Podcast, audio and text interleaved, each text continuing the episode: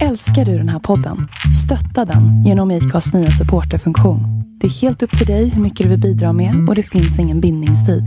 Klicka på länken i poddbeskrivningen för att visa din uppskattning och stötta podden. Ready to pop the question? The jewelers at BlueNile.com have got sparkle down to a science with beautiful lab-grown diamonds worthy of your most brilliant moments. Their lab grown diamonds are independently graded and guaranteed identical to natural diamonds, and they're ready to ship to your door. Go to Bluenile.com and use promo code LISTEN to get $50 off your purchase of $500 or more. That's code LISTEN at Bluenile.com for $50 off. Bluenile.com code LISTEN. Hey, it's Paige DeSorbo from Giggly Squad. High quality fashion without the price tag? Say hello to Quince. I'm snagging high-end essentials like cozy cashmere sweaters, sleek leather jackets, fine jewelry, and so much more. With Quince being 50 to 80% less than similar brands. And they partner with factories that prioritize safe, ethical, and responsible manufacturing. I love that. Luxury quality within reach. Go to quince.com slash style to get free shipping and 365-day returns on your next order. quince.com slash style. There's never been a faster or easier way to start your weight loss journey than with PlushCare. PlushCare accepts most insurance plans and gives you online access to board-certified physicians who can prescribe FDA-approved weight loss medications like Wigovi and Zepbound for those who qualify. Take charge of your health and speak with a board-certified physician about a weight loss plan that's right for you. Get started today at plushcare.com slash weight loss. That's plushcare.com slash weight loss. plushcare.com slash weightloss. Tjenare, det var Anders Näslund här. Idag måste jag faktiskt säga att jag har ju inte alltid brytt mig så himla mycket om kläder och mode. Men nu har jag fått riktigt, riktigt schyssta kläder ifrån Pondus. Och jag kan ju fortfarande faktiskt bli riktigt snygg när någon hjälper mig att hitta rätt i den där djungeln. Och eh, på Pondus, ja där finns det kläder och accessoarer och skor för både herr och dam. De har dessutom starka modevarumärken som Ralph Lauren, Filippa K och inte minst mitt favoritmärke Gant. Men också mindre kollektioner från nya uppkommande märken. Pondus har hela åtta butiker runt om i Västsverige i bland annat Uddevalla, Strömstad och Partille. Och såklart har det en webbshop så att du enkelt kan se nya kollektioner och klicka fram just dina favoriter. Så oavsett om du vill kitta dig själv med lite nya kläder eller köpa någon present till frugan eller barnen så finns det något för alla. Gå in på deras webbshop på pondus.eu eller titta ännu hellre förbi någon av de trevliga butikerna för att köta lite gött och få en service i världsklass. Hej och välkomna till ett nytt avsnitt av två låtar och en kändis. Sveriges mest tongivande podcast som jag brukar säga. Och idag i detta avsnitt nummer 75 så gästas vi denna gång utav en av Sveriges och Europas bästa forwards i fotboll genom tiderna. Hans karriär startade i moderklubben Jonsreds IF fram tills den legendariske ledaren Anders Rövan Bernmar värvade honom till spel i IFK Göteborg. Och efter en smått sagolik start på sin karriär så bar det av till proffsklubbar som PSV Eindhoven och FC Kaiserslautern. Det blev också det svenska landslaget, men det var i den blåvita dräkten han efter sina 332 gjorda mål för IFK Göteborg blev den bäste målskytten genom tiderna i IFK Göteborg. I sin fotbollskarriär kom han också att belönas med ett antal priser som två SM-guld, två cupguld, Uefa-cupmästare, skyttekung i Europacuperna tre gånger och eh, dessutom så blev han skyttekung i Allsvenskan. Guldbollen blev han tilldelad och även Lisebergsapplåden samt att han har fått en spårvagn kallad efter sig dessutom. Senare så kom det också att bli en framgångsrik tränarkarriär. Ska vi se så jag säger rätt i antalet klubbar, men om, som jag har det här så är det sex klubbar. Och som förbundskapten för vårt U21-landslag. Med detta sagt så förstår man att de blåvita fansen visade sin kärlek till honom genom att ge honom smeknamnet Gud. Mina damer och herrar, låt mig nu i sedvanlig ordning med största stolthet och respekt välkomna Torbjörn Nilsson. Tack så mycket.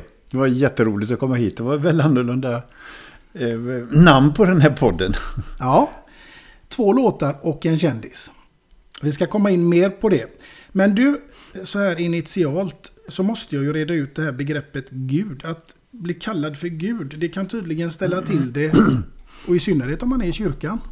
Ja, ja det är väldigt roligt och glädjande. Eh, det var väl en eh, dop tror jag vi var på och så säger prästen plötsligt bara så här. Ja, det är väldigt roligt att ha, ha och få genomföra det här dopet och speciellt när Gud är här. Och alla börjar ju titta vad då Gud är här och så, så börjar han ansyfta på mig då och börjar prata om att jag var där. Så att, eh, och jag, jag är väldigt blyg av mig, i, i alla fall i sådana sammanhang. Så att det, det var väl inte sådär jätteroligt. Men fantastiskt att få smeknamnet Gud. Ja, det är glädjande. Ja, större än så kan det ju inte bli. Nej, det kan det inte. Det, det måste jag säga. Och, den kärleken är ju besvarad till de här blåvita, fantastiska blåvita fansen som jag fick uppleva på 70-talet. Mm.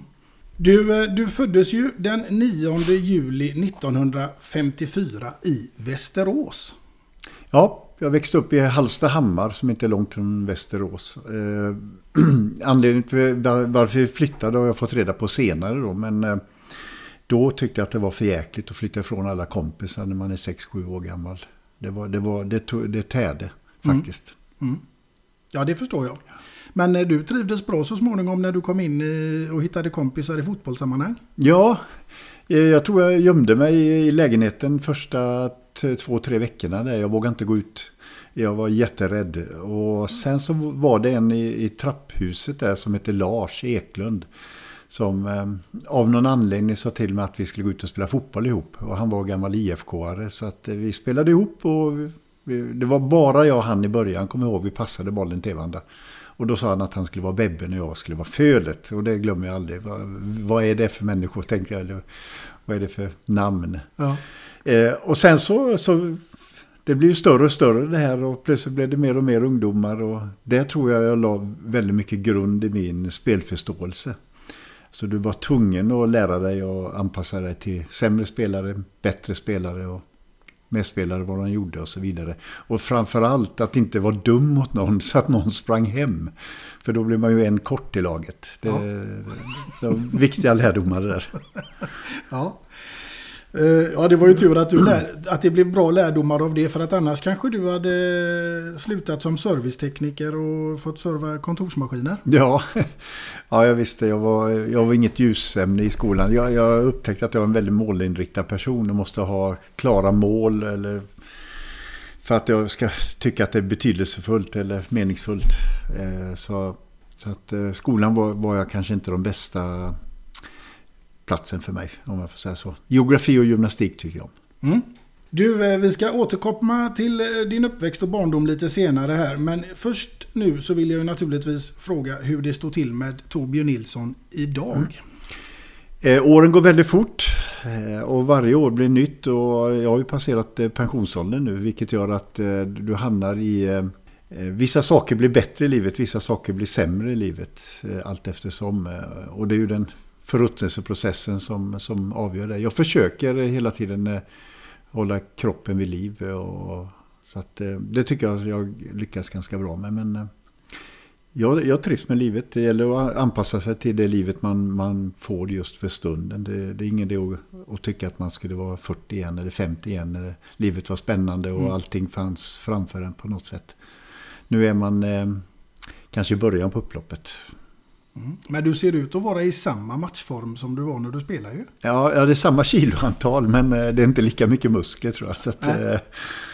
Eh, eh, nej, men det, det, är väl också att jag hade mamma och pappa, eller speciellt en pappa som inte la på sig någonting. När, när, om man eh, hade ätit eh, frossat med mat i flera månader så hade han inte gått upp ett gram. Och det gör ju inte jag heller. Nej, det är du och Ruben. Ja, precis.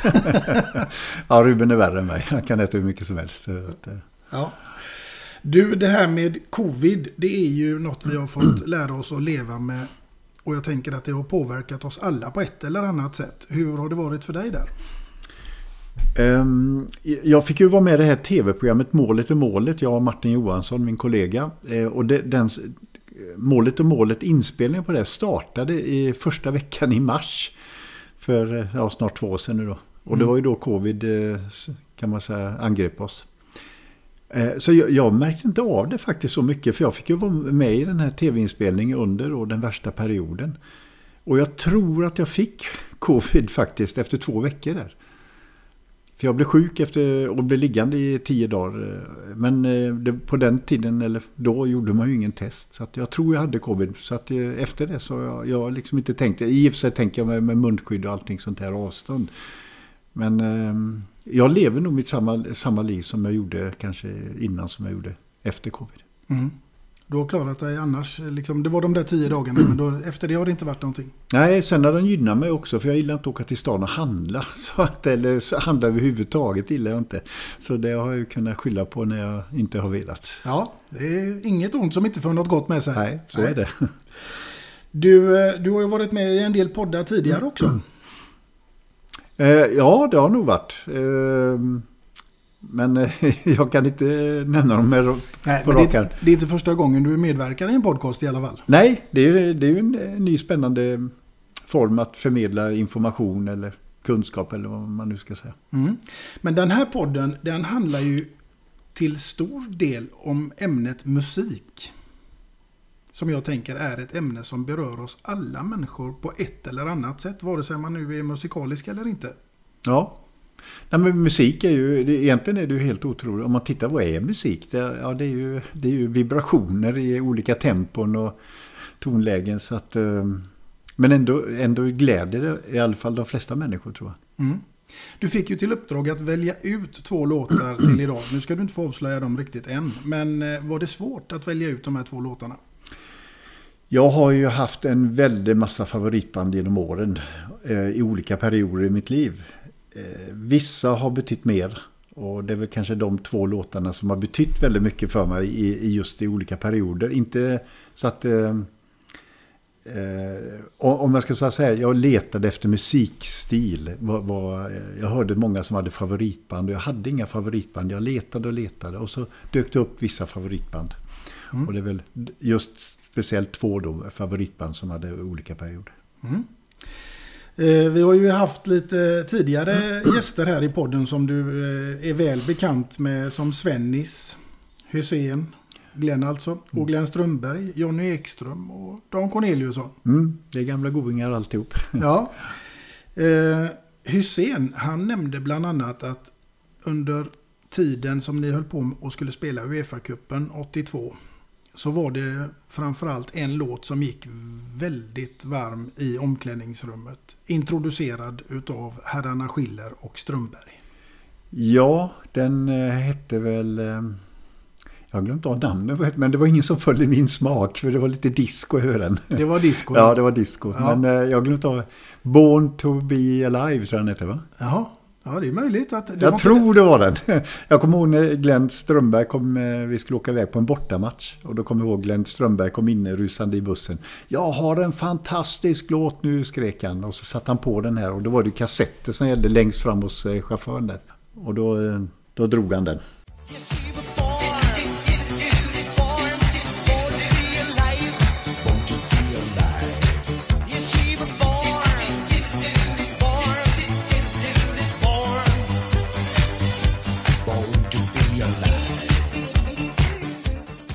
Dubbelglenn, Schiller och Strömberg, de älskar ju disco. Och jag kommer ihåg att eh, de satte alltid på hög musik, det var alltid de som valde. Och som tur var i på Ullevis eh, omklädning så hade vi två omklädningsrum där så man kunde man bytte om i det ena eh, och hängde av sig och så gick man igenom en dusch och så gick man ut till andra och där tog man på sig matchkläderna. Och var det fel musik som många tyckte så gick man över till det andra omklädningsrummet istället. och Tog det lite lugnare där. och det var några stycken som gjorde det misstänker jag. Ja, vi hade alla musiksmakare. Vi hade några som inte var intresserade av musik heller. Som inte har en aning om vad band heter. Så att, eh, det var allt. ja. Du, vad betyder musiken rent allmänt för dig?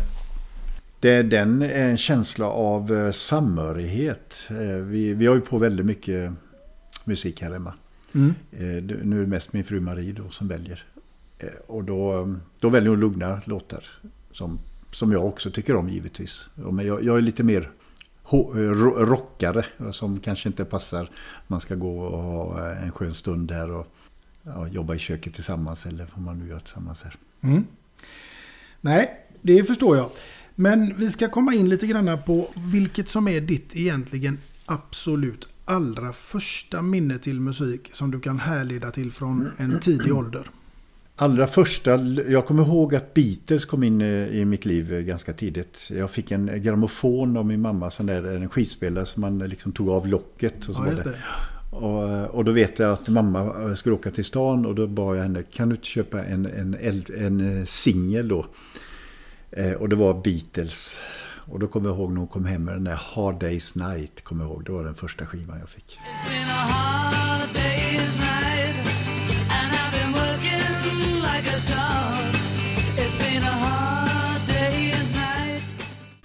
Sen så vet jag ju att eh, jag fick lite andra skivor. Mina bröder samlade ju lite på skivor. Elvis kommer jag ihåg att han hade någon eh, som jag spelade. Men Beatles satte sig. Och det, det var ju innan de riktigt slog igenom de här. Mm. I alla fall i Sverige. ja, det var väl någon gång på 60-talet, eller? Ja.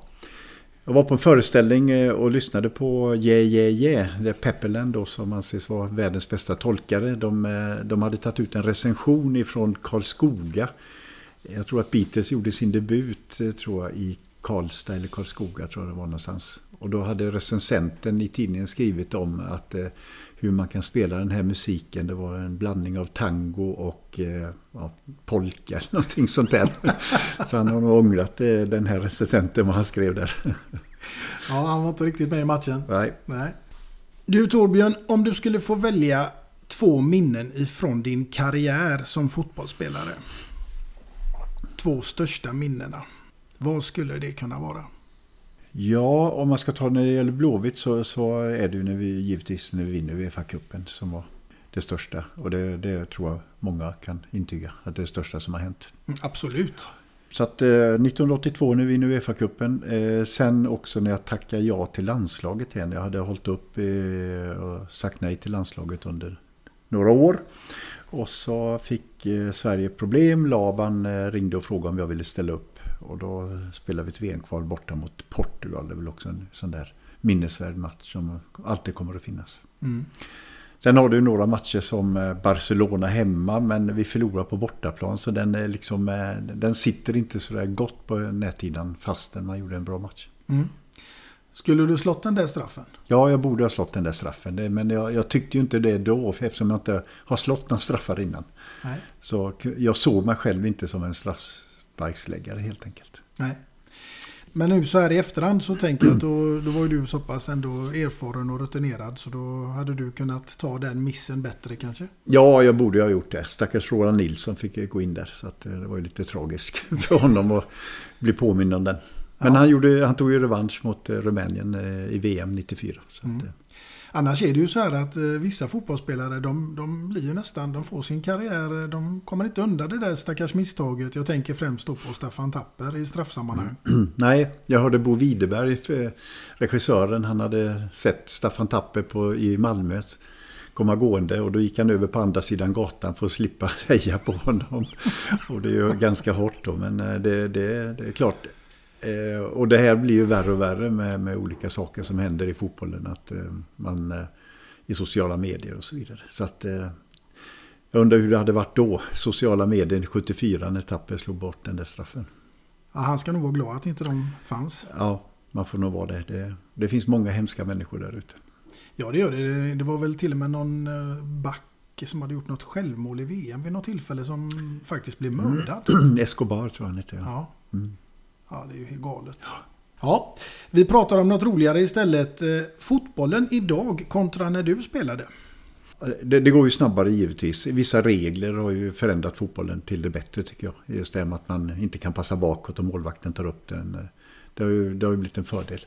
Eh, Det som har blivit negativt tycker jag det är, det är ju att jag tycker att eh, väldigt många fotbollsspelare, fotbollslag har blivit väldigt instruktionsstyrda. Man man ska spela Barcelona-spel.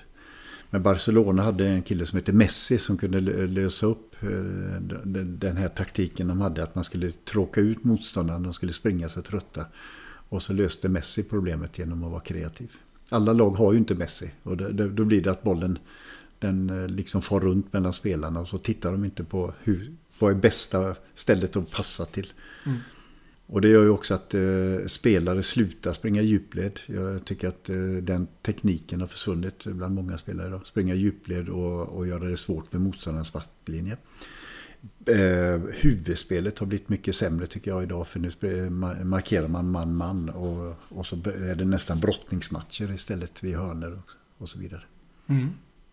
Ja, nej, men det, det håller jag till fullo med om. Att det har blivit mer styrt idag på många sätt. Och tekniken kanske är en sak som många gånger har blivit bättre. Men om inte spelförståelsen hänger med i tekniken så ja, då blir det ju inte så bra i slutändan ändå. Nej, nej, tekniken har blivit, eh, den är helt otroligt eh, fantastiskt fin idag. Man, man kan ju se fantastiska mål. Men det här med instruktionsstyrda, jag, jag såg eh, Geis Gais när de åkte ut, eh, de förlorade andra matchen här på Ullevi mot, eller de, spelade, de gjorde 1-1 när det var 10 minuter kvar.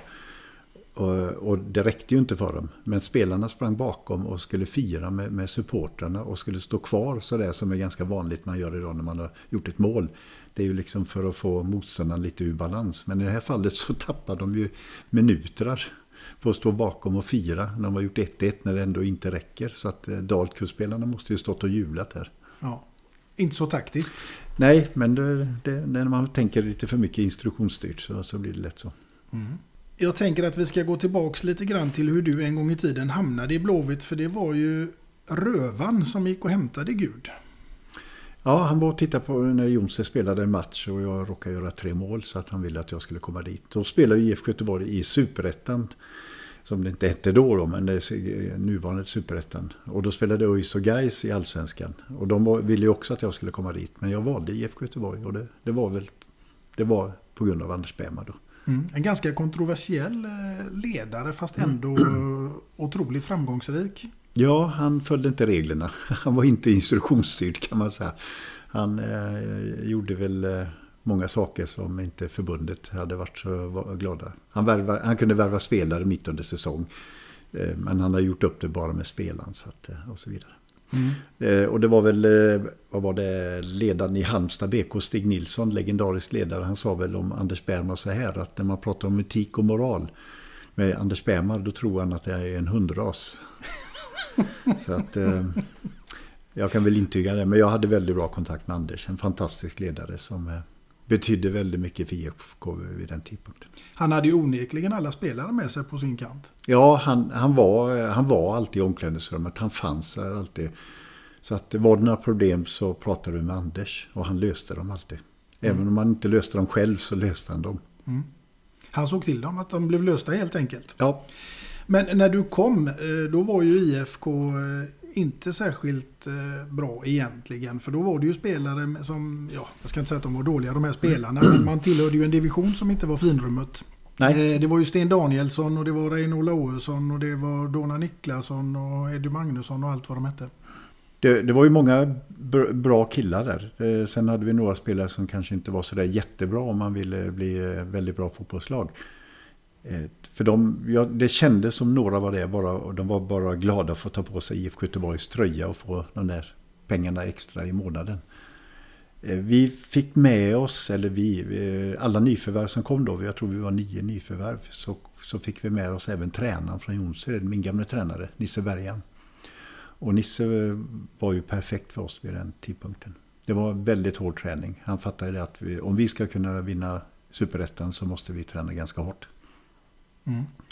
Så att eh, Nisse såg till efter ett år att eh, de spelarna som eh, kanske inte var där för att vilja bli bra, de, eh, de försvann därifrån. Sen så kom ju de här eh, som Benmar hämtade, Ove Kindvall och Björn Okvist. De kom ju och det var ju mina gamla idoler. Så att eh, det hade ju Anders berättat för mig när jag skulle välja klubb. Vi kommer att värva Ove Kindvall och Björn Okvist och det var ju inte svårt för mig att välja klubb då även fast de låg i superettan. Ja, nej men det blev ju, jag minns ju mycket väl 1975-76. Eh, det var ju oerhört mycket publik. Och Heja Blåvitt, eh, Ja.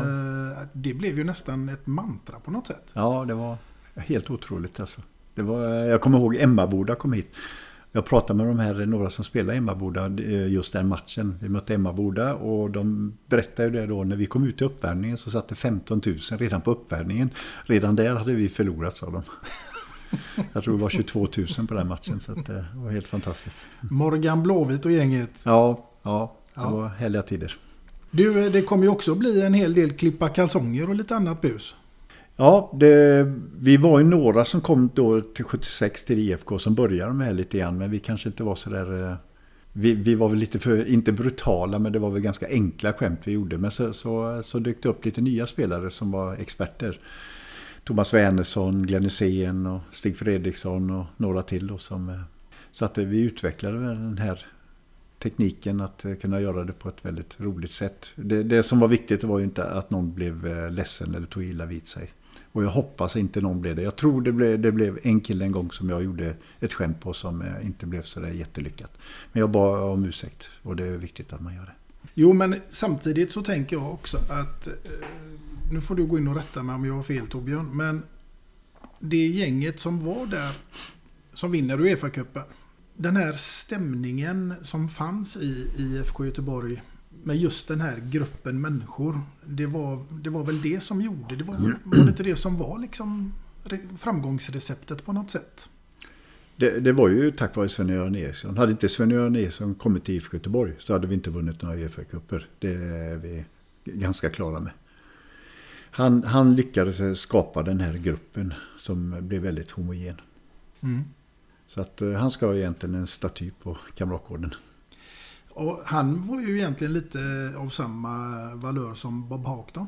Ja, han, det, det var ju just vid den tidpunkten när Svennis kom, 79, så var det väldigt bråk om eh, den här engelsk fotboll eller den svenska modellen som eh, Laban kallade det. Vad innebar den eh, modellen egentligen? Var det liksom att eh, springa upp och sätta hög press på motståndarna? Och... Den svenska modellen var inte det. Nej. Eh, Utan Laban införde någonting som heter mittfältslibero. Eh, Och han kan man ju säga, han kanske var före sin tid. För idag är det ganska vanligt att du sätter en mittfältare mitt framför forwards. Så att inte man ska få, de ska få bollen lika lätt. Så att, det, och det var ju bråk i svensk fotboll eh, angående de här två spelmodellerna då. Och det var ju Roy, Bob och Svennis och Tord Grip som förespråkade då den engelska modellen. Mm. Ja, den föll ju väldigt väl ut egentligen i både Malmö och Blåvitt. Ja, den gjorde det och, och, och eh, det var ju framgångar i Europa med Europacupfinal och för Malmö då som var föregångare till IFK Göteborg som har betytt väldigt mycket för IFK Göteborg också Malmö. Att, de, att det var möjligt att göra detta.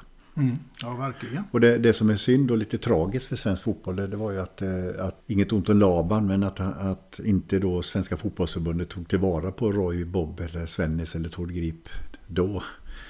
Och jag, det, det enda som eh, de gjorde det var väl att ta hand om Tord Grip, att han blev damlandslagets förbundskapten tror jag. Så att det, det, det är lite tragiskt tycker jag. Ja, verkligen. Verkligen. Du, eh, hade du någon särskild låt som du taggade till till inför någon match eller så? Nej, jag lyssnade aldrig på musik innan matcher så. Eh, Det, det gjorde jag aldrig. Utan ehm, jag tror nog att ehm, 79 så gjorde jag mental träning. Så jag lyssnade. Jag, jag tror att jag gick in i mig själv väldigt mycket. Eh, Och försökte applicera magandning och målbilder. Eh, Men eh, en timme, en halv, en timme, eller 45 minuter innan match så, så är det ganska svårt att, att göra det. För då, då börjar den här anspänningen lite för mycket. Mm. Var det den norske idrottspsykologen Willy Railio som du kom i kontakt med? Precis, jag, jag fick ett problem i, i Holland 77 som jag flyttade hem med. Jag fick en mental blockering kan man säga. Som Svennis då hjälpte mig med att få kontakt med Willy Railo. Så Mm. det vände min karriär kan man säga, 79-80.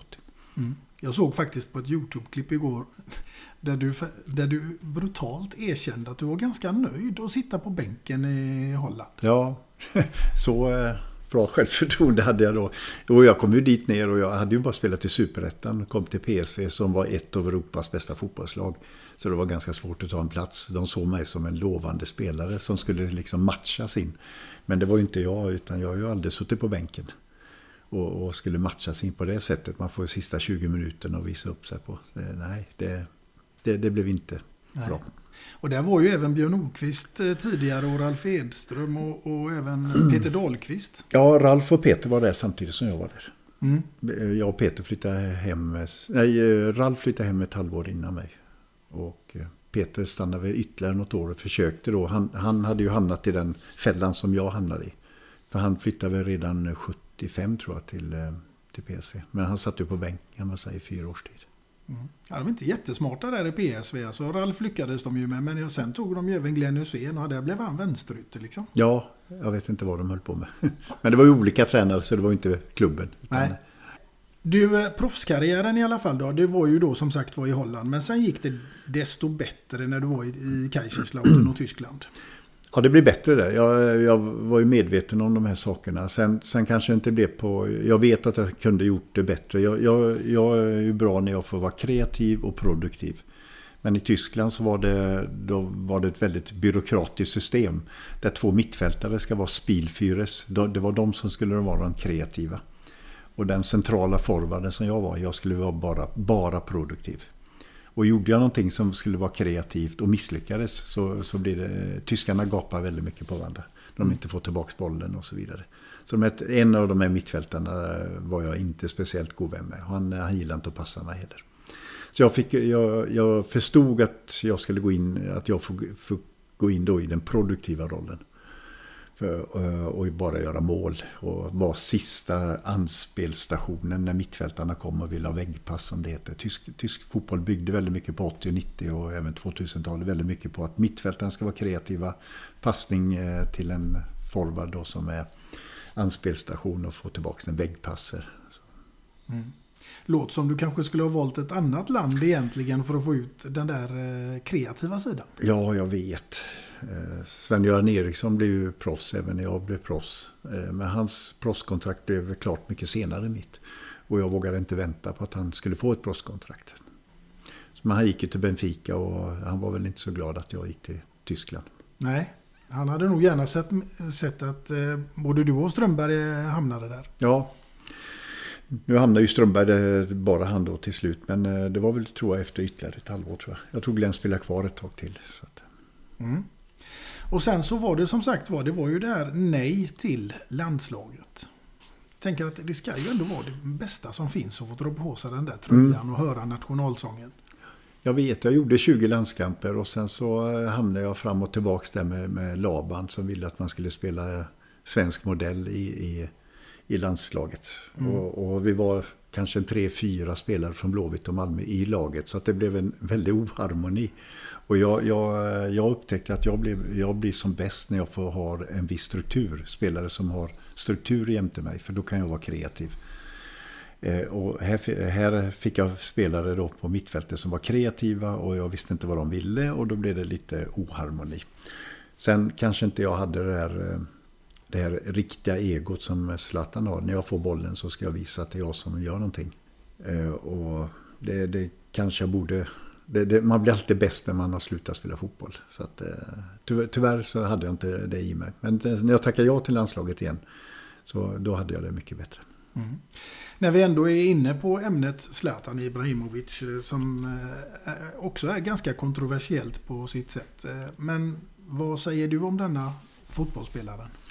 Ja, först är han ju outstanding eh, när det gäller svensk eh, klubblagsfotboll. Han, eh, eh, det, det är han och sen kommer det eh, kanske något, ett eller två hack till nästa spelare. Han har, det han har presterat är helt otroligt. Sen har han blivit en annorlunda spelare. Det är ju inte samma spelare idag som när han var 25 år. Eh, idag är han mest produktiv, gör mål mest på ett, ett tillslag som är fantastiskt på den nivån. Men eh, det är ju inte den spelaren som vi såg förr som dribblade av två man eller gjorde fantastiska mål. Eh, sen eh, hans sätt att vara, eh, en del säger att han har fel attityd. Jag tycker att han har rätt attityd om man ska vara med ett vinnande lag. Eh, sen kanske inte han är så, kanske, eh, nu vet inte jag hur det är i omklädningsrummet, men eh, han kanske sätter sig i dominans där. Som gör att vissa blir begränsade, men det behöver inte betyda det. Nej, jag tänker eh, när jag menade på det här med kontroversiellt, men när han går fram och tar straffen exempelvis i landslaget. Ja, men eh, det, det var hans sätt att tänka. Han, han tyckte att han tog eh, ett ansvar. Men han, eh, rykten säger då, rykten, eller jag vet att det är sant då, han gick och bad om ursäkt inför hela gruppen efter att han gjorde på detta sätt. Mm. Ja, det, det, det får man nog göra tror jag. Ja, det måste du göra. Ja, och när vi är inne på det ämnet så tänker jag att det här med leda med känsla, för det är ju ganska lätt att härleda till. Det är någonting du vurmar för. Ja, det, det, är ju, det är ju ett sätt att leda med... eh, Det, det problemet med att leda med känsla det är att du tappar strukturer också då. Så det kan ju göra att det blir vilset för dem du ska leda. Om du ska leda med känsla. Jag vet ju tränare eller chefer som jag haft till och med som eh, de bygger sitt ledarskap utifrån hur de mår. Och det, det, det är ju inte så trevligt. Då får man gissa sig till. Utan leda med känsla är väl mer att eh, du försöker leda de människorna att du måste tycka om dem. Och, och sen så kanske du ska hitta en, eh, en olika former för, för dem, vad som är bäst för dem. Men det, det är en balansakt det här. Väldigt svår balansakt. Men då- det går att applicera mycket från ledarskap eh, och tänk inom idrotten i företagsvärlden. Liksom. Ja, det gör det. Det, går, det finns väldigt mycket likheter, men det finns lika många olikheter. Exempelvis att eh, en fotbollstränare tar ut 11 spelare, några får inte jobba och några får sitta på läktaren till och med. Det har man inte i företagsvärlden, alla måste jobba. Och det, det vet jag ju chefer som har sagt det, ni har ju det så enkelt, ni kan ju bara ta dem ni vill ha. Men eh, så enkelt är det inte. Utan eh, vi, vi, vi, alltså vi jobbar ju med människor och människor, vi kan ju inte sätta människor på bänken i, i näringslivet. Det, det går ju inte. Man gör det i fotbollen men där byter man ganska ofta arbetsplats när du känner att du har suttit på bänken ett år. Då byter du arbetsplats. Och det är väl just det där eh, byter arbetsplats. Liksom. Det, det är inte att byta klubb längre. För det, det, det, är, det är ett yrke och du har din månadslön. Liksom, och du har en begränsad tid egentligen som du kan tjäna väldigt mycket pengar. Eh, Och då, då finns det liksom inte läge att tänka på klubbkänsla. Nej, nej så, så är det. Det. Det är ju samma när du inte räcker till och då sparkar klubben ut dig. Så att, eh, det här med klubbkänsla det, det är ju åt andra hållet också. Att eh, klubben känner ingen eh, skyldighet mot spelaren när den inte räcker till. Nej, det är, det är tufft att vara professionell fotbollsspelare. Ja, det är det. Men eh, tjänar du några miljoner i månaden så, så kan du lätt stå ut med det. Ja, det gör man definitivt. Du Torbjörn, nu tänker jag att vi faktiskt ska börja närma oss ditt första låtval som jag är grymt nyfiken på vad det skulle kunna vara och med vem och inte minst varför det har blivit den här låten. Mm. Eh, musiken kom in ganska tidigt i mitt liv men det, det var aldrig något band som fastnade sådär. Jag vet att jag, jag har köpt väldigt många LP-skivor som jag bara köpt för jag tror jag ska börja gilla dem. Det är allt från James Last till eh, Herb Albert, Beatles, Stones. Ja, jag, jag vet inte alls, alls hur många jag har köpt. Men så 1971 så, så kommer jag ihåg, då hade jag en kompis som spelade i Jonsered. Vi spelade ihop i Jons A-lag. Han sa till mig, det har kommit ett jättebra band. Ja, vad är det? Ja, du måste komma hem, jag har skivan hemma. Så jag gick med honom hem och så spelade han en låt där som, ja, den satte sig direkt. Det här är ju det här jag gillar. Och den, den heter Keep Yourself Alive med Queen. Då tycker jag att vi tar och kör den nu. Ja,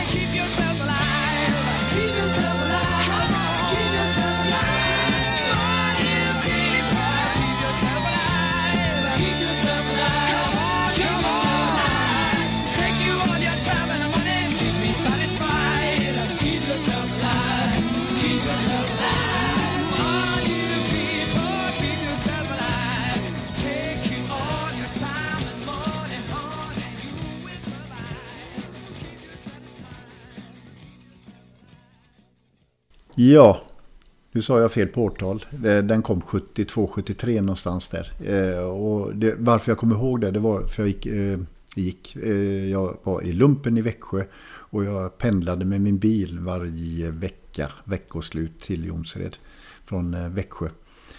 Och då gick den här låten ganska ofta. Mm. Ja, den är bra. Den är väldigt bra. Det är en väldigt fin introduktion på vad Queen stod för då. Det var väldigt mycket rock och eh, det var väldigt mycket eh, känsla i, i texterna. Mm, absolut. Ja, det var ett spännande låtval. Eh, Vi ska, få, ska gå vidare faktiskt här Torbjörn i musikens tecken. För nu är jag lite nyfiken på vem som skulle få skriva eller sjunga låten om Torbjörn Nilsson. Oj.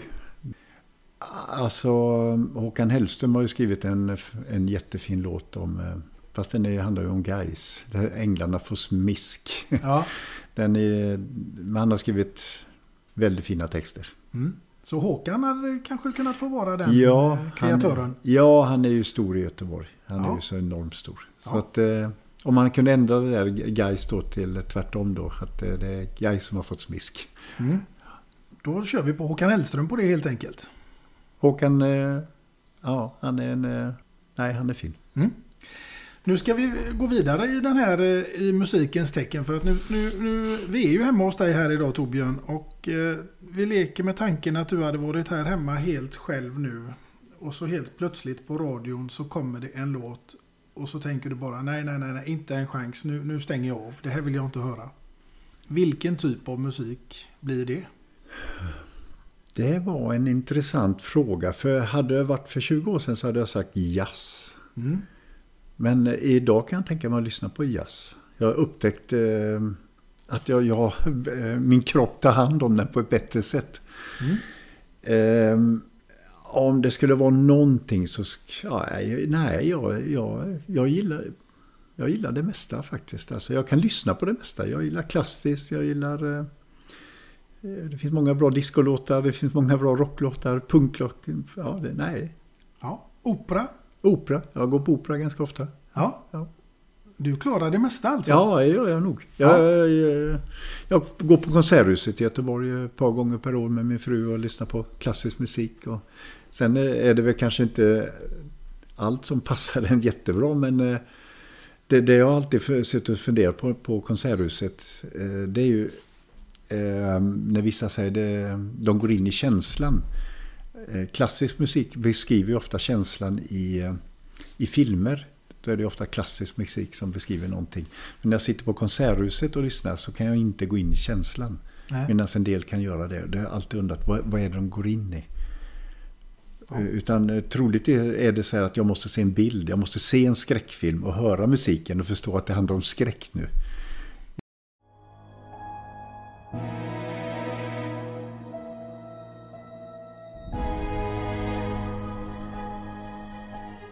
Ibland kan det handla om längtan och eh, glädje. Och Ja. att, eh, ja, det går att fördjupa sig i det där. Ja, musik ja, det går, det går jättemycket att förlika sig. Eller att hitta beröringspunkter med, Mm. med mycket. Du, eh, något som, nu frågade jag ju vad som hade fått dig att stänga av radion. Det var ju uppenbarligen inte så mycket. Så att vi går vidare med nästa fråga som får, där du ska få dig eh, att föreställa dig det här scenariot. För nu ska du åka till en helt öde ö och du ska vara där i ett helt år. Och du får bara ta med dig en enda platta dit. Vilken blir det? Eh, Samlings-LP. nej. Ja, det går bra. Eh, nej, jag hade nog tagit faktiskt det- den som jag som, som är lite jazzbetonad. Jag, jag kunde ju tagit givetvis en Queen-platta men jag har lyssnat på dem så mycket så jag kan dem liksom utan till. Jag hade nog tagit eh, Genesis, The Lamp Lies Down on Broadway.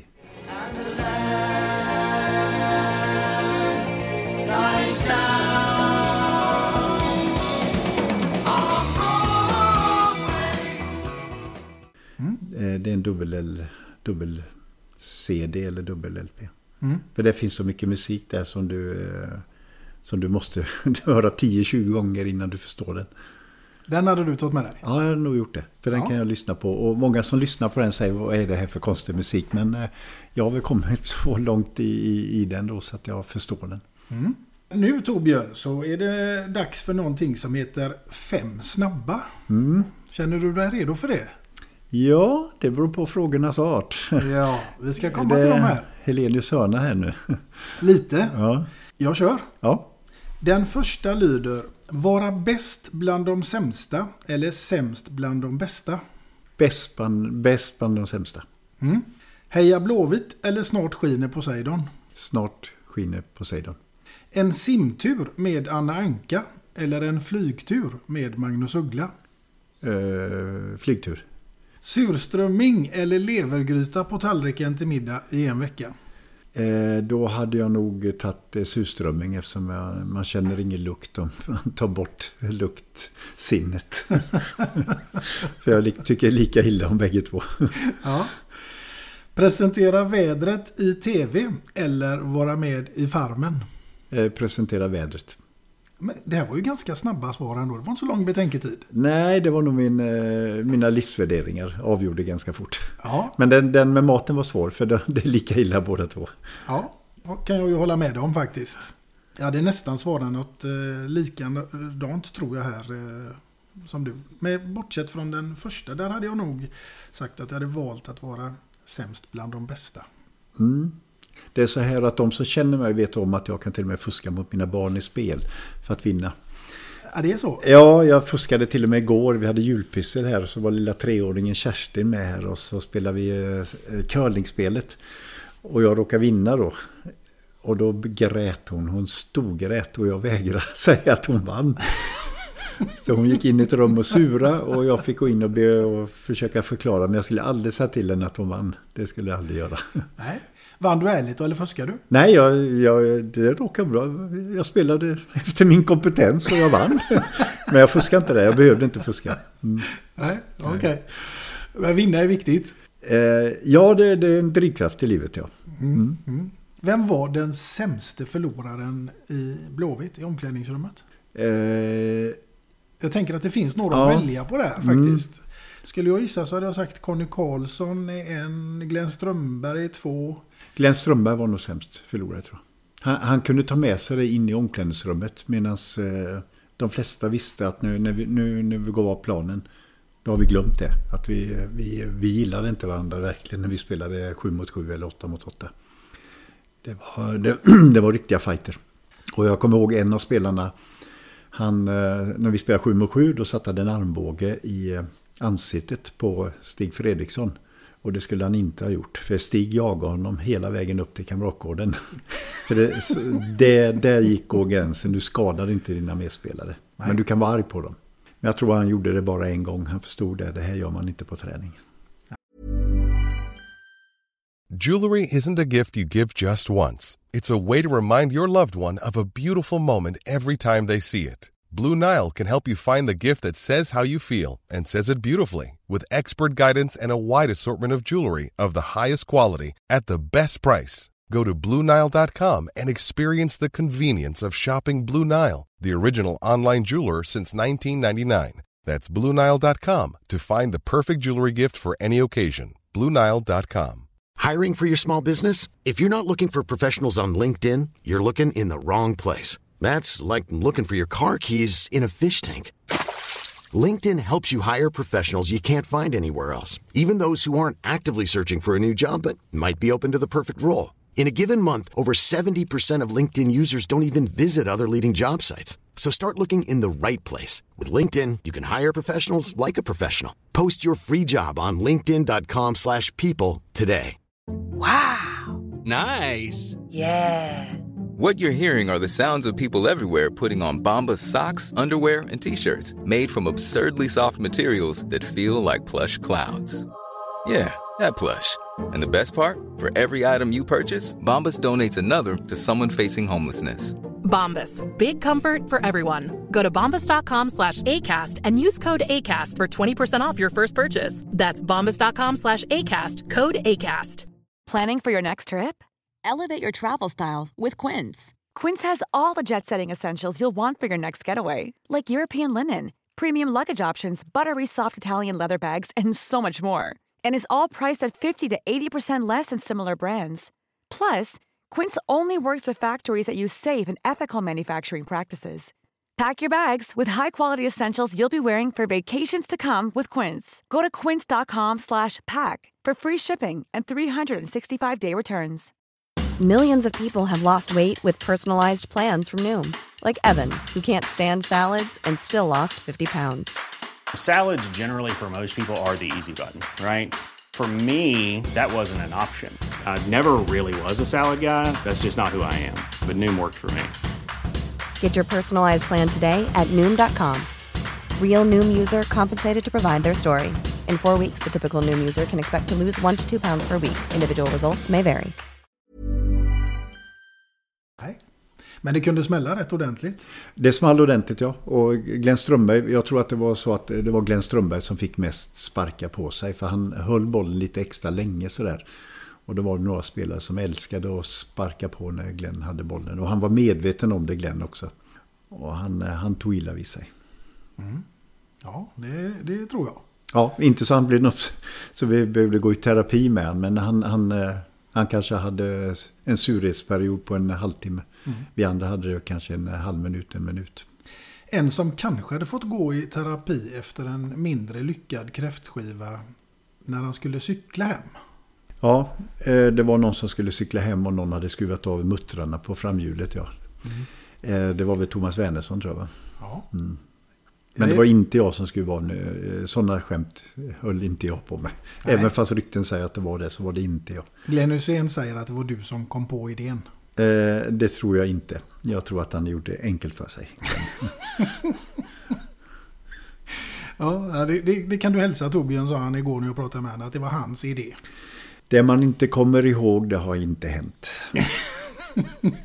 Nej, där hör du Glenn. Ja. Det blev inget erkännande då heller. Du, nu ska vi ta oss vidare in i fantasins tecken. Därför att nu så är det så här att du ska ha en middagsgäst och du får välja precis vem som helst. Någon människa du hade varit nyfiken på att träffa, död eller levande. Vem hade det varit? Och vad hade ni ätit? Och vilken låt hade fått ligga där i, i bakgrunden till denna fantastiska middag? Eh, det finns så många oerhört eh, intressanta människor. Ha- Hade det varit för 20 år sedan så hade jag nog sagt någon som jag beundrade som eh, ja, Freddie Mercury eller någon annan popidol eller någonting så här. Men eh, det finns så många intressanta människor som har så mycket att förmedla. Så, eh, det hade nog blivit eh, Agnes Wold. Ja. Mm. Vad hade ni pratat om?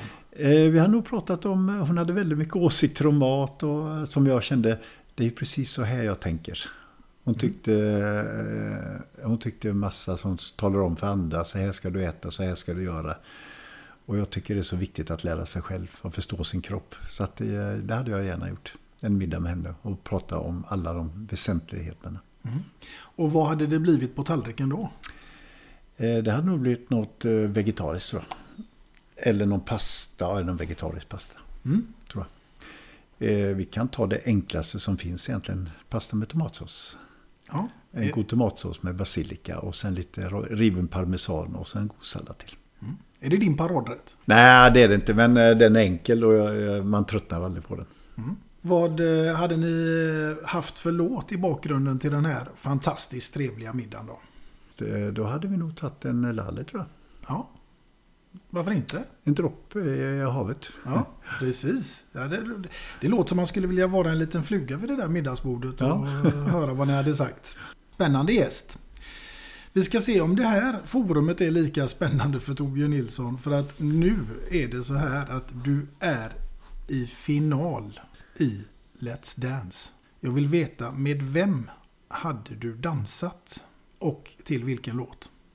Eh, Jag hade nog tagit, eh, om jag inte hade valt min fru då, Mm. så hade jag nog tagit eh, Kristin Kaspersen. Mm. Hon vann ju ett år och hon såg väldigt stark ut för hon skulle få bära runt mig tror jag.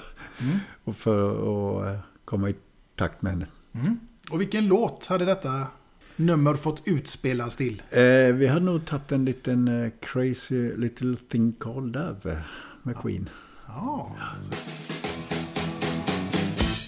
Gotta be cool, really get hit and get on my tracks. Take the back seat, hitchhike, take a long ride on my until I'm ready, ready, ready. Raise a little thing called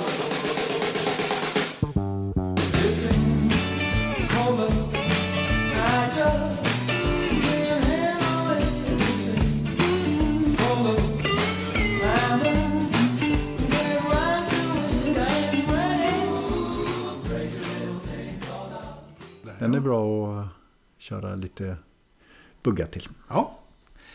Det låter som att det skulle kunna leda långt i denna finalen. Jag tror Tony Irving hade gillat det här. Ja, det är möjligt. Jag tror jag gillar både låtvalet och eh, min partner. Men jag har ju sett han eh, fördärva många kända idrottsmäns eh, självförtroende.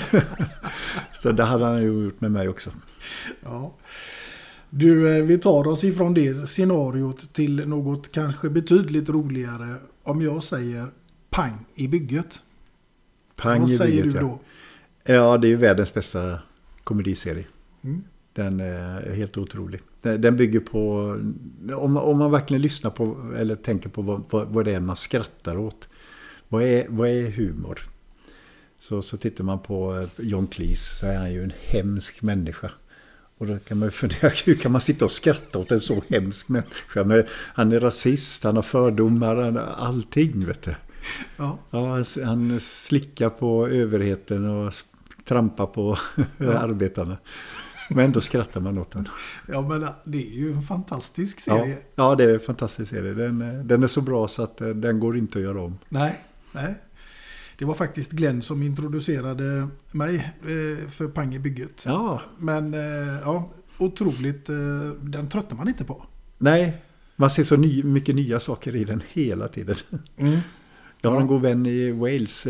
Vi spelar ihop i PSV. Vi umgås fortfarande idag. Så när vi träffas ibland och så säger han någon mening. Och då tittar vi på varandra och så kan vi börja skratta för han säger någon mening som var... Det kan vara vardaglig mening då. Men den stämmer med någon kommentar i Paggebygget. Och så skrattar vi åt varandra. Ja, ni vet, ni har att associera till. Ja, vi har sett på den ganska många gånger. Ja, jag kan tänka mig att det har blivit en del annan, en och annan film som man har fått eh, göra på resor eh, till matcher och träningsläger och annat. Ja, det var ju en eh, liten tv som hängde där uppe. I, bör- I början av min karriär så, var så fanns inte det. Det fanns ingen video eller någonting sånt där. Utan det, det kom ju när jag kom hem från Tyskland så kom jag ihåg att eh, vi skulle spela bortamatch och satte oss i bussen. Och jag trodde nu är det väl kortspel som vanligt. Men eh, det var borta. Mm. Utan de skulle titta på film, spelarna, och jag tyckte det var så tråkigt. Kortspel, det var gurka eller? Det var Gurka och så fanns det ett annat spel som hette Rick. Det var Ja. ett eh, holländskt eh, eh, fyrmansvist, liknade väldigt mycket. Eller br- bridge också. Mm. Ja, det är ju det är intressant bland massa vinnarskallar. Mm. Mycket. Jag kommer ihåg när vi spelade Rick, då spelade man separat. Eh, Fastän man spelar med någon eh, så kunde man ändå spela separat. Eh, Så när vi delade ut korten så tittade Glenn på sina kort och sa Åh vilka tråkiga kort, jag tar alla minus bara vi får spela om. Så tog han 90 minus som man kunde få om man gick jättedåligt, för han tyckte det var så tråkiga kort. Så det var Glenn. Ja, fantastiskt.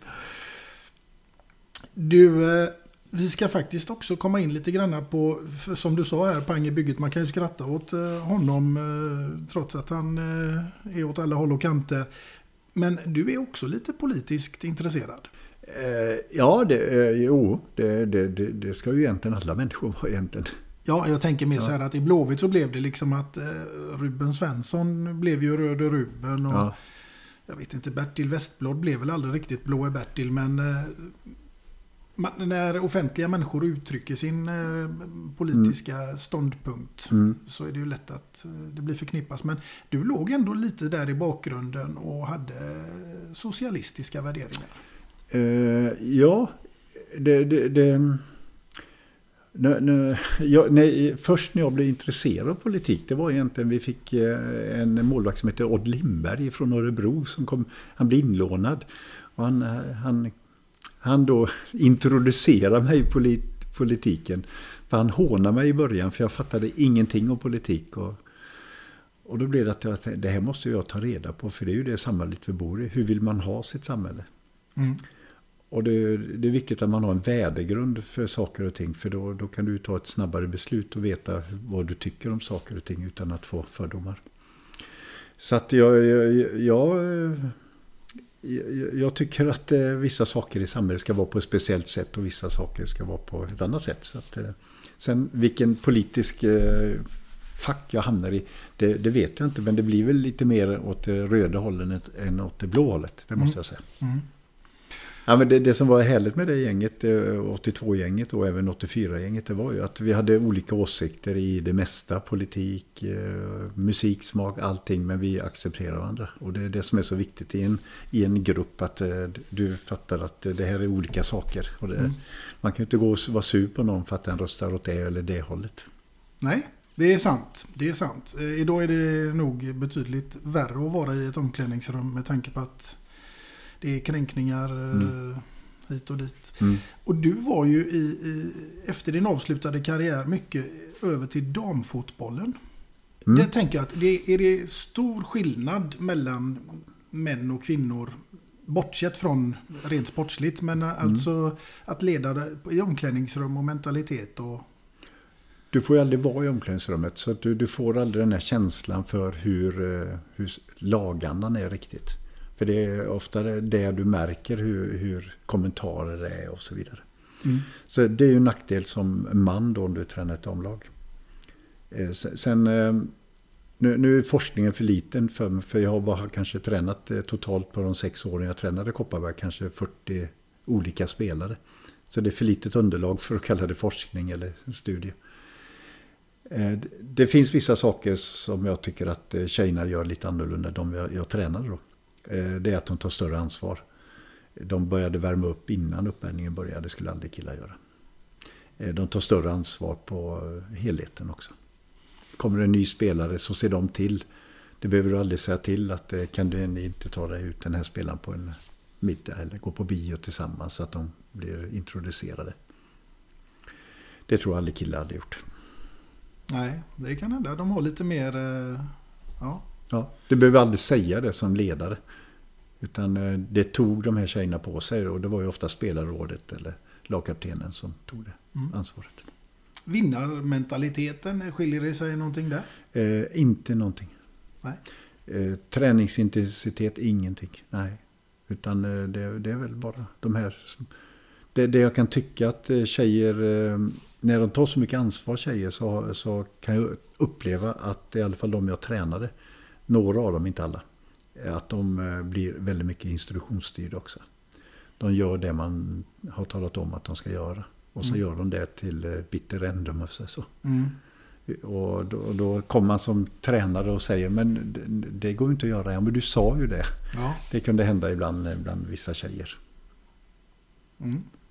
Ja, nej, men de, det är ändå, jag tycker det har ju skett en otrolig förändring i, i, i damfotboll. I svensk damfotboll inte minst. Ja, ja, sista två, tre åren. Här. Jag, jag hade sett eh, tjejer som började eh, prata om förhandling och inte skriva på kontrakt. Och, utan tjejer var ju bara glada att få ett kontrakt och kunna tjäna 20-30 000 i månaden idag. Så de vet sitt värde idag, tjejerna. Och det, det är ju på gott, mestadels. Men eh, det man kan uppleva är ju att eh, det blir lite mer egoistiskt betonat också. Mm. Ja, vi, det ser ut som att eh, de här BK Häcken ser ut att vara någonting för framtiden för svensk fotboll. Ja, det verkar så. De har stabiliteten där. Det- Malmö FF hade ju sitt eh, damlag i klubben men de drog sig ur och blev LDB som det hette, eller nuvarande Rosengård. Mm. Och så att det, är möjligt att Malmö också kommer ta upp kampen. Men Häcken har ju väldigt fina resurser där och det är bara att tacka Häcken för att de har gjort det. här. Mm. När kommer Torbjörn Nilsson att träna ett lag nästa gång? Eh, ja, jag är ute sådana här eh, showträningar med ungdomslag. Mm. Och visar den här eh, nya metoden som, eller nya metoden, eh, den här metoden vi använde i tv-serien Målet och målet. Mm. Vi skrev en bok som heter Tredje vägen och den är vi ute och visar att det går att, att tävla och träna på träningen och att alla tycker det är roligt. För alla ska få vara med. Det är Mm. själva metodiken med den. Det är bra, för det behövs. Ja, det är synd om, eh, om föräldrar eller tränare som inte kan sköta sig när ungdomsfotbollen pågår. Att eh, man har tagit bort resultat och tabeller bara för att föräldrar och tränare inte kan sköta sig. För barnen har ofta inga problem. Jag kommer ihåg, eh, vi spelade den här tv-serien, så hade vi spelat en match och förlorade med 4-1. En ganska viktig match då, om man får säga så. Vi kunde vunnit serien med det här laget. Och jag och Martin var jätteledsna då, vi har förlorat. Och direkt efter matchen ska jag gå och tacka motståndarnas tränare som var Askim. Och då eh, går jag bakom två spelare som jag hör prata livligt om någonting. Och jag tror att de skäller om någonting som har hänt på matchen. Och jag går if- ifatt dem och lyssnar och så hör jag den ene säga Nej, jag vill inte ha kebabpizza, jag vill ha Vesuvio, säger han. Tio sekunder efter matchen. Så där ser man vad barn tar det inte illa vid sig vid, vid att man förlorar. Utan det är ofta deras beteende. De tar ju efter, ser man att föräldrar eller tränare är arga och skäller efter en förlust. Ja, men det är klart man ska ta efter det. För de vet inte bättre. Nej. Jo, nej, men jag håller helt med dig där Torbjörn. Och att de, de tog bort det här med att man inte ska få vinna och målen ska inte räknas. Och eh, jag tänker att mentaliteten ute på skolgården, där, alltså, där räknar man mål och där är det oftast eh, ganska tufft klimat att det är samma personer som alltid blir valda sist och så vidare. Mm. Ja, det, det, det är ju liksom, livet är ju så så här. Vi kan ju inte ha lycklighetspiller och tro att eh, man spelar jämnt och man eh, ska vinna varje match. I, I idrotten ingår att förlora ibland. Det är vi ledare som ska ta hand om det här. Vi ska ju inte stå och skälla och gapa för förlorat utan vi ska ju ta hand om ungdomar att de visar bra humör även fast de har förlorat. Vi har ett, eh, om man får säga då, inte ambassadörslag, men ett eh, lag Näsets P10-lag som eh, tränar efter vår bok. Och de jobbar jättehårt med det här. Ingen nivåanpassning som är väldigt lätt där man ska tycka att de bästa ska vara där eller de mest motiverade ska träna där. Det blir, det blir rena kaoset i huvudet på ledare om man ska hålla på så. Utan det är bättre att man, man nivåindelar genom att man inte gör det utan de får spela och ibland, ibland på träningen så vinner ett lag med 7-0. Och hör man då det laget som ligger ja, förlorar med 7-0 säger ja det var ojämna lag. Det ska inte få höras. Utan man måste sätta ner foten där. Och så måste man fråga de spelarna. Hur tror du det är höras att någon gapar att det är ojämna lag? Det är ju som att tala om att du är dålig. Mm. Hur tror du du skulle höra om andra gapar det om dig? Mm. Det är det vi, vi måste jobba med. Och det gör Näsets PT. De har tagit egentligen vår bok lite längre. Och jobbar oerhört med de här frågorna. Det är bra. Mycket bra. För jag menar på en arbetsplats så, så går man ju inte omkring och när någon har missat en order eller missat en kund. Att eh, det är ojämna lag, varför fick du inte sålt? eh, det- det- Utan så är livet. Ja, nej, men det, det, är helt, det är helt sant. Eh, Och det är ju där jag tänker att fotbollen och idrotten i sig, men det, det är ju så mycket mer än det här med att man har spelat fotboll när man var liten. Där lärde man ju sig inte bara att spela fotboll. Man lärde sig att fungera i grupp, Ja. eh, tider, eh, Ja. sånt som man har med sig hela livet. Ja. Och det är det som man, när man tar bort det, det är det jag tycker är så synd. Det är ju vi som ska, vi tränar, vi är ju en del av eh, det uppväxande släktet.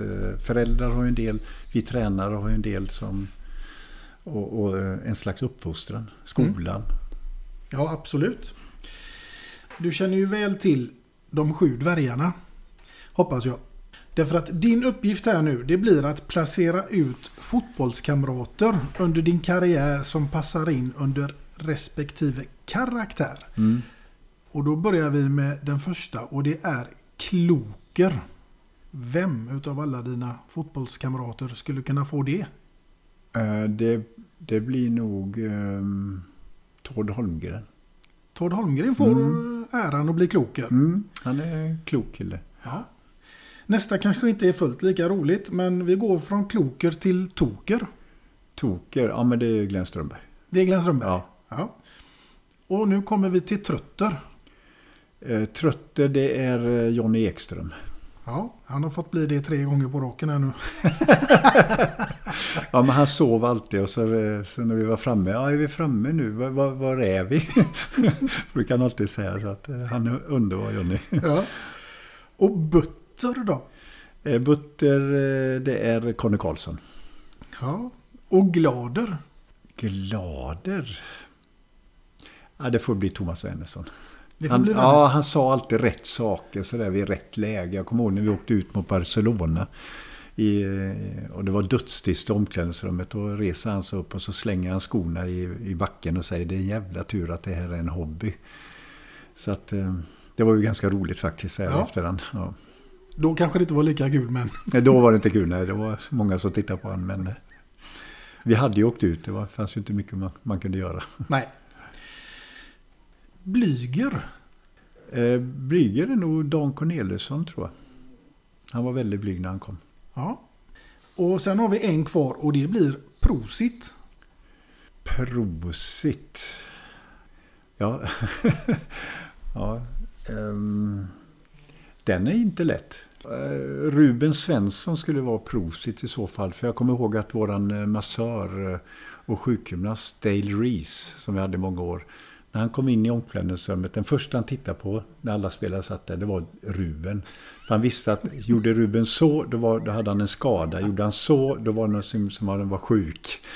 Det, det jag kommer ihåg det var när han alltid satt med ena fingret så här, med tummen och gned på, på ett knät. Då hade han alltid någonting problem med föt, eller benen. Ja. Ja, Prosit får bli Ruben helt det, är, enkelt. det är Ruben, klart. Ja, ja. ja, men det var väl ändå... Jag tycker du tog de här... eh, Det var inte så lång betänketid. Nej, Trötte var ju helt klart Johnny Ekström. Ja, Jonny Ekström fick ju göra det här. Och Butter, vet du vem han tilldelade det? Nej, Brorsan till den du gav. Jerry. Ja. Ja. Jo. De, de var ganska buttra bägge två på, på sitt sätt. Eh, Men eh, Conny såg man mer på när han var arg. Jerry var, var mer inbunden på, på något sätt. Ja. Ja, Conny missar man inte. Nej. Nu är det faktiskt så här Torbjörn att vi ska komma in på ditt låtval nummer två. Ja. Eh, och det, det här är en väldigt gammal goding. Det var, det var när Beatles var som störst. Alla älskar ju Beatles. Och lite Stones och där. Men jag, jag var faktiskt Hollys fantast. Det är Hollys. Och, och det är faktiskt så här att The Hollys hade mer hits än Beatles på 60-talet. Mhm. Eh, på eh, deras tio topp om man säger så i England. Mm. Eh, och tittar man på deras eh, låtskatt så är den helt enorm. Problemet med Hollies det var att de inte utvecklade musikstilen. Medan Beatles utvecklade den och, och eh, blev ett annat band än vad det var i början. Mm. Det gjorde inte Hollies och det var väl därför de stannade. Men de har gjort ofantligt mycket eh, hits. Så jag tänkte att vi skulle lyssna på en. Och det var den första jag hörde med, med Hollies. Eh, och den hörde jag på Radio Luxemburg.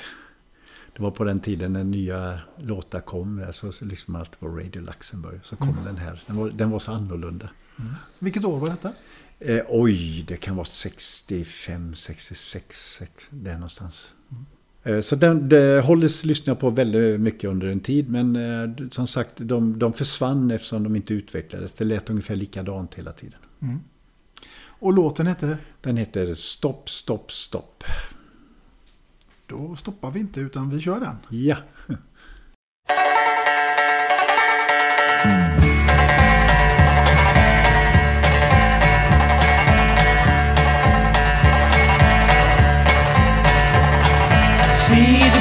Symbols on her fingers entering through the door. Ruby glistening from her navel, shimmering around the floor. Bells of beat go ting-a-ling-a-linging, going through my head. Sweat is falling just like a teardrops running from her head. Now she dancing, going through the movement, swaying to and fro. Body moving, bringing back a memory, thoughts of long ago. Blood is rushing, temperature is rising, sweating from my brow. Like a snake, her body fascinates me, I can't look away now. Stop, stop, stop all the dancing, give me time to breathe. Stop, stop,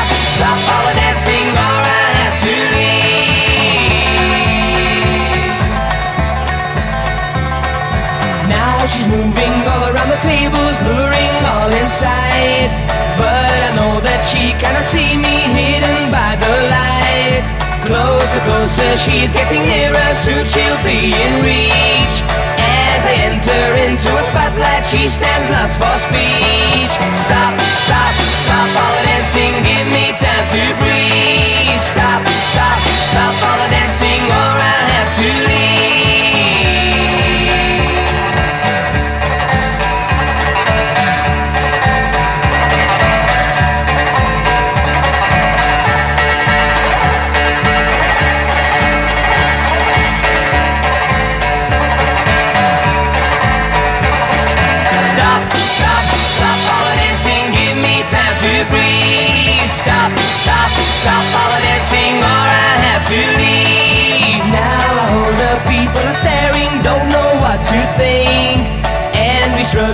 knocking over tables, spilling all the drinks. Can't they understand that I want her happens every week? Heavy hand upon my collar throws me in the street. Stop, stop, stop all the dancing, give me time to breathe.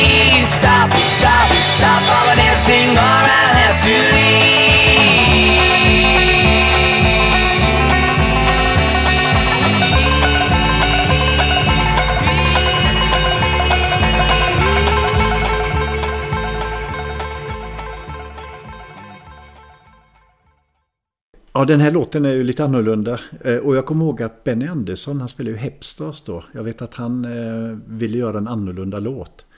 Eftersom man märkte i Europa att det, var, det kom lite annorlunda. Och, och då gjorde han eh, Wedding som eh, var lite annorlunda än vad han har gjort innan. Och Mm. jag, tror, jag tror att den här låten Stopp, stopp, stopp var en, en slags inspiration. Jag är inte hundra på det men... eh, Kan mycket väl vara så. Jag är, jag är inte riktigt med. Nej, jag förstår det. du var väl knappt född då nästan. Nej, det var jag inte. Nej. 67 föddes ju jag. 67 ja. ja. Ja, nej, men en fantastisk, fantastiskt bra låt. Mm. Och vi, vi ska inte ta vad texten handlar om, för det handlar om eh, en, eh, en av medlemmarna i, i, i The Hollies eh, råkar ta på en flicka på ett eh, olämpligt sätt på en nattklubb. Så det vad låten handlar om. Ja, det är mindre bra. Det är mindre bra, så att det, den hade hamnat på metoo egentligen den här. Men eh, själva låten är bra om man, om man tar bort texten. Ja. Det är också en fråga faktiskt som jag skulle vilja ställa till dig just när det kommer till musik. Är texterna någonting som är viktiga för dig eller är det mer musiken liksom? Ja, det är intressant det där. För, för på senare år så, så har texterna blivit, eh, inte lika viktiga, men nästan lika viktiga i alla fall.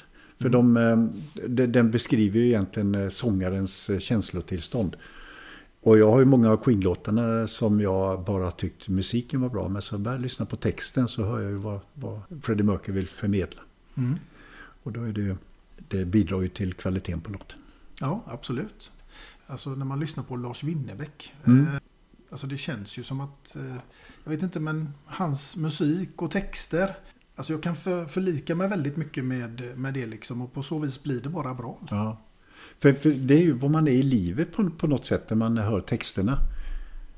Eh, och jag kanske inte var i det, på det tillståndet när Freddie Mercury sjöng de här låtarna. Utan jag hade inte hamnat där, men har hamnat där nu. Mm. Så att, eh, ja. ja. Så att det är jätteintressant det där. Man, man, vad är det de vill förmedla? Var kommer det ifrån? Och varför vill de förmedla det? Precis. Vi ska ta oss ifrån det här musikens eh, rum till att jag vill ställa dig frågan vad innebär ordet livskvalitet för Torbjörn Nilsson? Eh, människan söker ju belöningssystem eller undvika smärta. Det är ju våran motivationsgrad när vi söker saker och ting. Och då söker man ju belöningssystem som gör att man upplever livskvalitet. Mm. Eh, för mig är det ett, det är att träna. träna. Jag tränar ja, fem gånger i veckan i alla fall. Det, det ingår i min, min, kroppen behöver det för att Mm. jag ska må bra psykiskt. Eh, två, att eh, jag och min fru har en bra relation. Eh, och det innebär ju kompromisser ibland och så vidare. Eh, träffa barnbarn och barn. Eh, sen kan det komma då att gå på musikevenemang eller Mm. kulturella evenemang. Mm. Men ni har varit ett par i många år nu du och din fru. Mm. 1980, så att det 41 år. Ja. 42 snart. Ja. Det är också någonting som förändras i samhället. Liksom att folk lever inte ihop lika länge idag. Det är så lätt att, att gå isär. Och, Gräset är grönare på andra sidan men kanske bara en stund. ja, så är det. Du Torbjörn, om du hade varit i mitt ställe. Vem hade du velat ha framför dig som gäst här i eh, ett sånt här forum då? Jag kommer ihåg jag var med i SVT och fick ta sex gäster. Mm. Så, vid middagsbordet var det Café Umeå var det. Eh, Och då hade jag med sex stycken som jag kanske inte idag hade valt. För jag kanske inte var i det som vi pratade om förut. Eh, Jag, jag, eh, alltså nu lever ju inte Gösta Ekman, men Gösta Ekman hade jag gärna velat prata med. Mm. Vad är det som är så tilltalande med honom? Han hade ju en resa som... Han ville ju komma in på Dramaten, men han kom aldrig in på Dramaten. Utan han hittade ju sin egen karriär vid sidan om. Och det tycker jag var en väldigt rolig resa han gjorde. Han blev så hyllad som han blev, men han kom aldrig in på Dramatens scenskola. Ja, det är ju en av våra största Ja, precis. någonsin. Ja. Så jag skulle vilja diskutera med honom om det här, vad, vad det betydde för honom att gå en annan väg. Och det, det har att göra egentligen med lite att jag gjorde ungefär samma sak. Nu gjorde jag ju inte hela tiden, men jag kom inte in i landslaget. Eller jag kunde ju kommit in, men jag tackade ju nej. Så jag gick en annan väg. Och då vet jag att det var en, en kompis till mig som ja, väldigt känd fotbollsspelare också. Som sa, du har alltid gått din egen väg, sa han så här, lite hånande på något sätt. Så att, eh, det hade varit kul. Gösta Ekman. Det är en intressant person. Mm. Ja, han hade ju också velat ha framför mig, det är helt klart. Det finns en och annan eh, sak han hade fått förklara där och han har kommit på de här olika filmerna och Ja, annat. ja, det är så mycket han har gjort. Så. Mm. Du, det närmar ju sig eh, jul här med stormsteg. Och ska vi hålla oss kvar till ämnet musik så tänker jag, finns det någon eh, jullåt som eh, du inte skulle vilja vara utan i dessa juletider? Eh, det finns så många sådana här som man har hört så många år som det här är julen på något sätt. Eh, Men alltså Queen har gjort en, en jullåt som är fantastisk. Mm. Den, den är inte så där eh, smörig om jag får säga så. Utan eh, du kan lyssna på den. Det, det är en bra låt helt Mm. enkelt. Mm. Thank God It's Christmas. been a long, hard year, but now it's Christmas. Yes, it's Christmas. Thank God it's Christmas.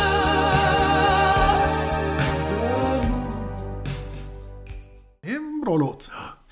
Du, vem, eh, vem i IFK Göteborgs eh, Uefa Cup-lag från 1982 är den som skulle göra sig bäst som tomte? Um, Glenn Hysén eller Stig Fredriksson, Ja. tror jag. ja, Stickan hade nog kunnat bli en lurig tomte. Ja, ja, han är ju norrlänning också. Ja. Tomten kommer ju där uppifrån någonstans. Ja, ja. Du, eh, om du fick ge eh, denna tomten en eh, julklapp, i detta fallet Stig Fredriksson, vad hade han fått då? Han hade fått en bok om musikens historia så han lärde sig lite grann om musik. För han, gill, han, han kan lyssna på musik men han har inte en aning om vilket band det är eller någonting sådär. Han är en av de här okulturerade människorna när det gäller musik. Men han är härlig Stig.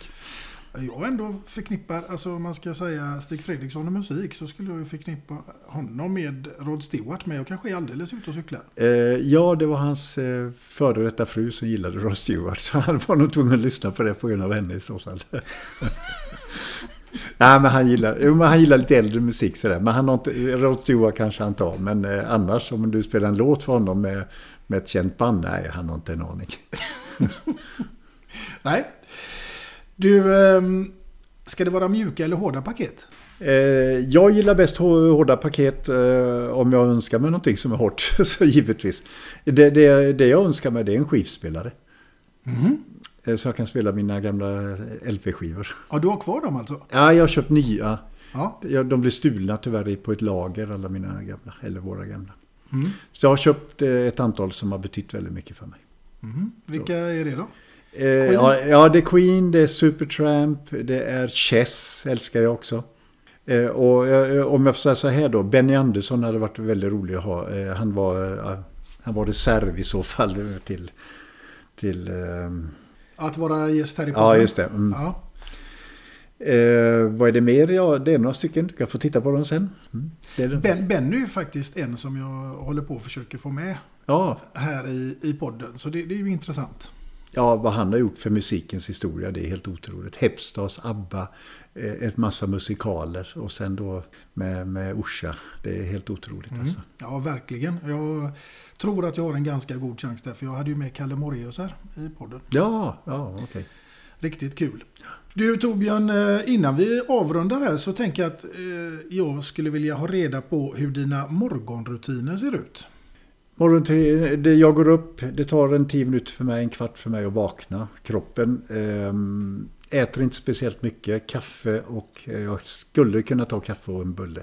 Eh, annars blir det en macka, kanske med någonting på. Försöka undvika ost på grund av kolesterol. Så att, eh, det är väl mina morgonrutiner. Mm. Kaffe tänker jag på morgonen. Ja, ja, det är ett måste. Det är ett måste. Ja, det är ett måste. Mm. Och det var det Agnes Wold sa, att bland annat att en del säger att kaffe tar bort näringsämnena eh, från eh, annan mat. Men det gör det inte. Så. Det är rena nonsens. Det var bara nonsens. Var Nej, bara då kan vi ju fortsätta att dricka kaffe i, i godan ro. Ja. Det är nämligen så här Torbjörn att alla gäster här i denna podden de får en kaffemugg och det är liksom det är själva grejen med den här podden att man får den här muggen och där står det två låtar och en kändis och självklart så har du också fått ditt namn Namn. ingraverat så att ingen ska kunna missa att detta är din mugg. Ja, men tack. Vad fin den var. Det var en väldigt fin logga. Ja, den är trevlig. Den här är ju lite för stor för att komma under då för att göra en en espresso. Ja. Så att jag får ha den när vi har vanlig kaffe. Ja, eller te kanske. Eller te, ja. Ja. Tack så mycket. Du, en riktigt, riktigt stor ära Torbjörn att få ha med dig här i podden. Tack för att jag fick komma och det var lite initierade frågor där som eh, tömdes eh, tyckte jag eh, långt ner i mig. Ja, vad bra. Och med detta sagt, kära lyssnare, så är det så att det kommer en ny gäst. Och vem det blir, det återstår ännu att se. Men tills dess så får ni ha det så bra där ute. Hej då! Hej hej!